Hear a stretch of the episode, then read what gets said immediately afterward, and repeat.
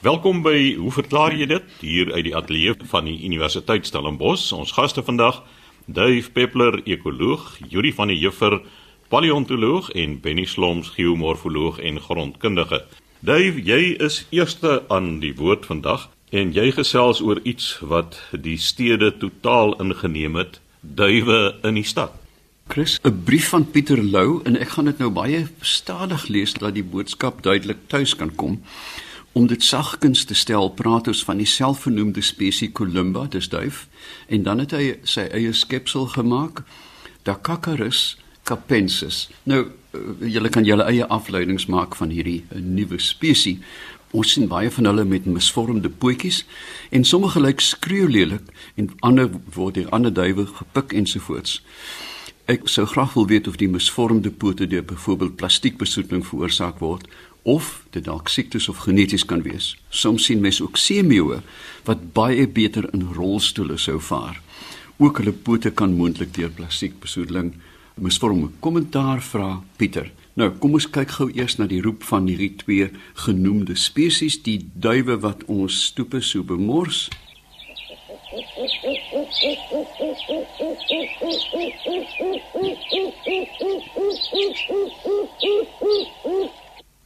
Met mossiegeluide in die agtergrond en dan die alombekende seemeeu wat ons chips so pik as jy by die waterfront sit en eet.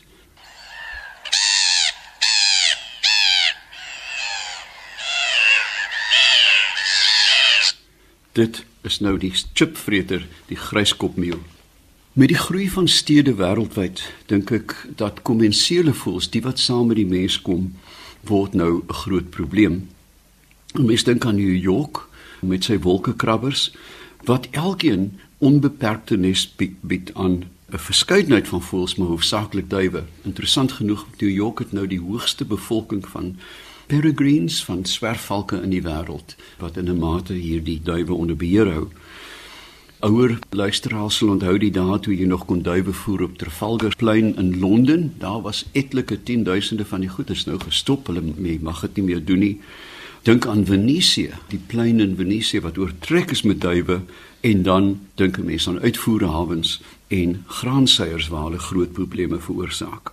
Die duwe probleem is byna so oud soos die mensdom self en selfs so vroeg as um, 1486 in Dame Julia Berner se boek The Book of St Albans wat voorskryf hoe 'n jong man moet gedra en dit beteken hy moet kan dans waar sy reeds praat van duwe in Londen wat dan deur valkeniers beheer word. Maar selfs vroeër in 1250 het die Romeinse keiser Frederik II van Hohenstaufen wat stapelgek was hy was so mal oor sy valke dat hy vir elke valke kasteel gebou het. Letterlik elke geliefde valk het 'n groot kasteel gehad.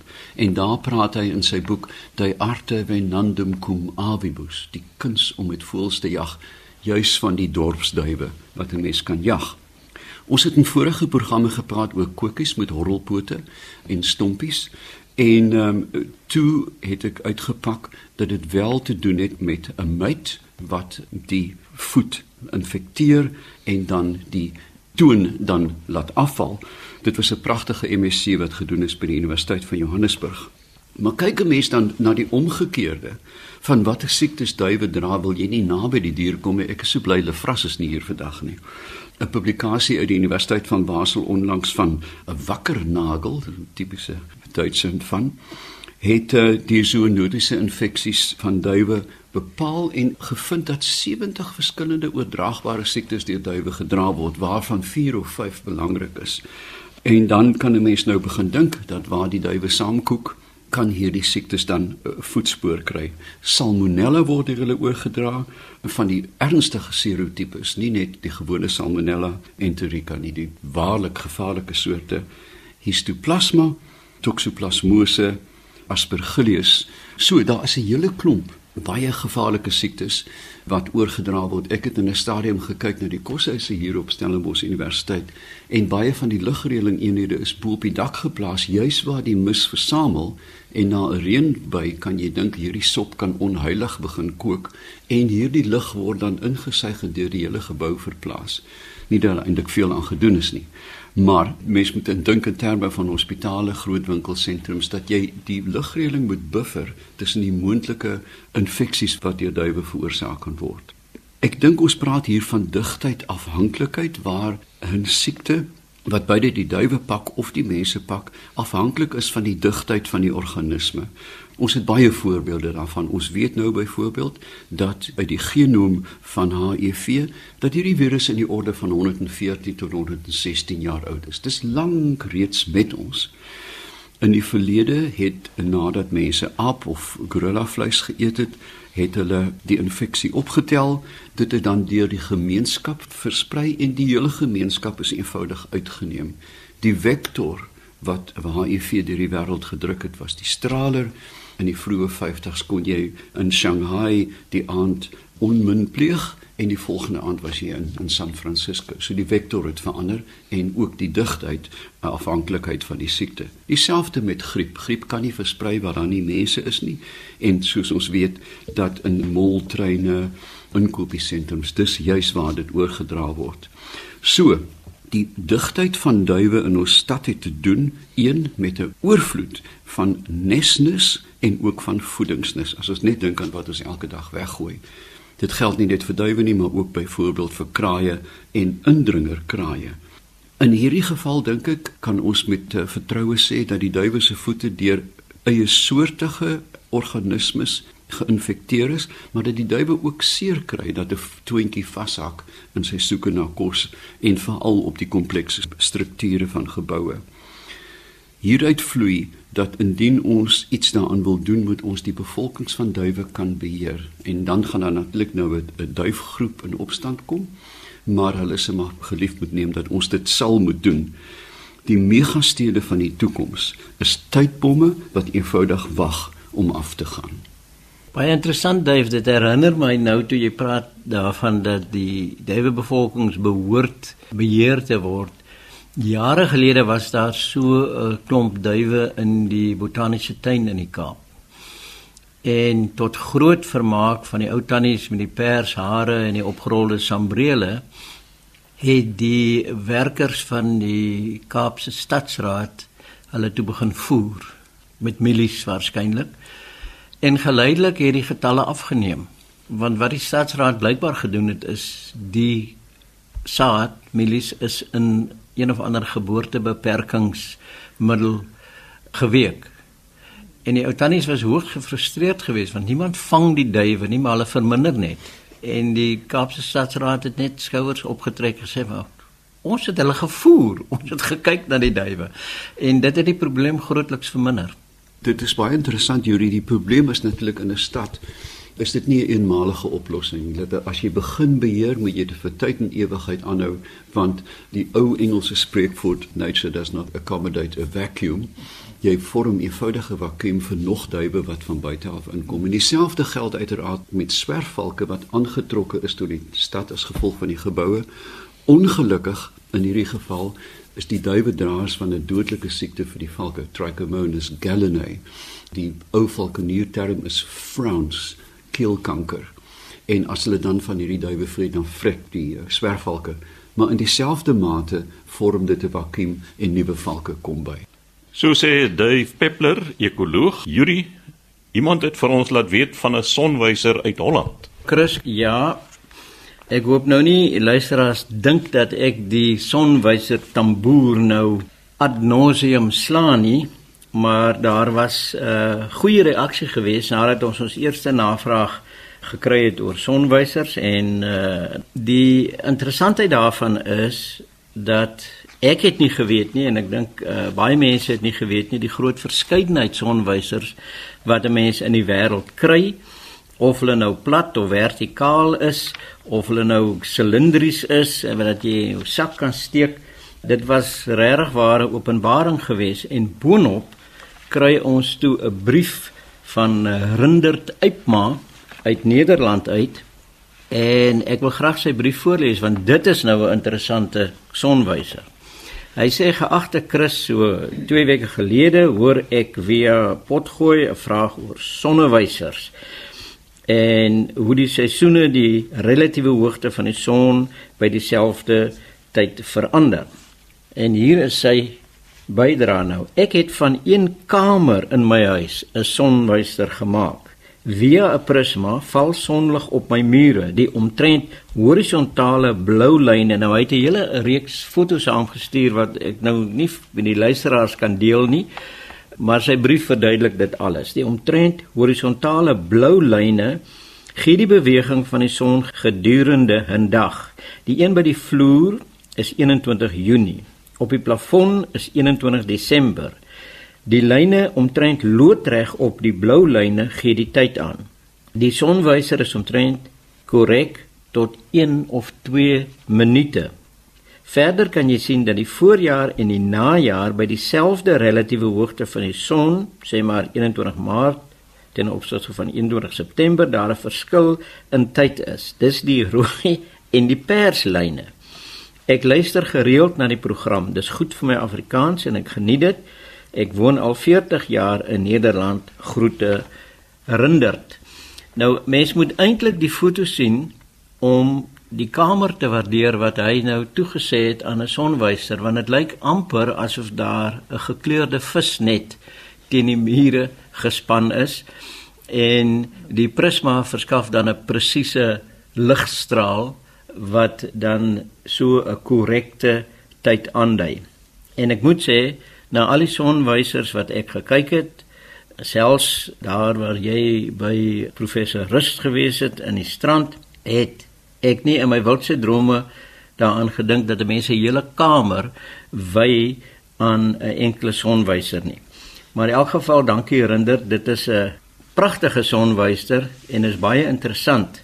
En ek wonder of daar dalk luisteraars is wat op hierdie tema kan voortbou om te sien watter unieke sonwysers hulle miskien self kan konstrueer. Verder is daar iets wat ons nou oor moet gesels afkomstig van professor Isak Rus, die man wat jy mee gepraat het wat sy sonwysers bou. Hy was jare gelede deel van hierdie program, ook 'n lid van een van die spanne gewees en hy het 'n uitdaging gerig aan die luisteraars. En hy het 'n scenario geskep, eh, vraag daaroor gevra en dit werk as volg. Hy sê wanneer mense op klam sand stap op die strand, dan trap jy spore en as jy omkyk, dan sien jy dat die spoor momenteel droog is waar jy getrap het. En as jy hom dophou, dan word die spoor nat binne-in en as jy aanhou kyk, dan word die spoor weer droog. Nou sy vraag is, hoe verklaar jy dit? En sy uitdaging aan die luisteraars is, kan u 'n verklaring gee vir hierdie verskynsel? As jy dit wel wil probeer, stuur asseblief die antwoord of antwoorde, verklaringe in na Christo. Hy sal sorg dat al hierdie antwoorde by professor Rust uitkom wat dan die enigste en aller beoordelaar is van die antwoorde en hy sal dan uiteindelik 'n wenner of die persoon wat die naaste aan die korrekte antwoord is aandui en ons sal dit op die lig aanbied en ek het met hom gepraat toe sê maar hy is ook bereid om as 'n prys vir die korrekte of die mees korrekte antwoord 'n bottel wyn te verskaf. En op die manier sal ons dan kan sorg dat die bottel wyn by die korrekte persoon uitkom. So luisteraars, daar het professor Rust vir u uitdaging gegee. Gryp maar na die pen en stuur vir ons asseblief antwoorde. So sê Yuri van der Heever, ons paleontoloog. Laaste aan die beurt vandag Benny Sloms. Nou Benny, jy het 'n tydjie gelede gesels oor die Oranje rivier wat heelwat verder suid in die see geloop het as wat vandag die geval is. En na aanleiding daarvan het 'n luisteraar nou geskryf oor die Kouga rivier in die Oos-Kaap waarvan die loop klaarblyklik ook verander het. Baie dankie Chris. Ons het na aanleiding van daardie gesprek oor die stroomroof wat plaasgevind het by beide die Oranje en die Konene, het ons 'n brief gekry van Ewert Gerber van Port Elizabeth. Hy skryf as volg: Hy sê hier in ons wêreld is die Kouga rivier En na bewering het die Kouga lank gelede in die see uitgemond. Maar met verloop van tyd is hy deur die boelope van die Gamtoos geroof want hy sluit nou by die Gamtoos aan, by die boelope van die Gamtoos en is nou deel van daardie stelsel. Nou loop die Kouga nie meer in die see nie.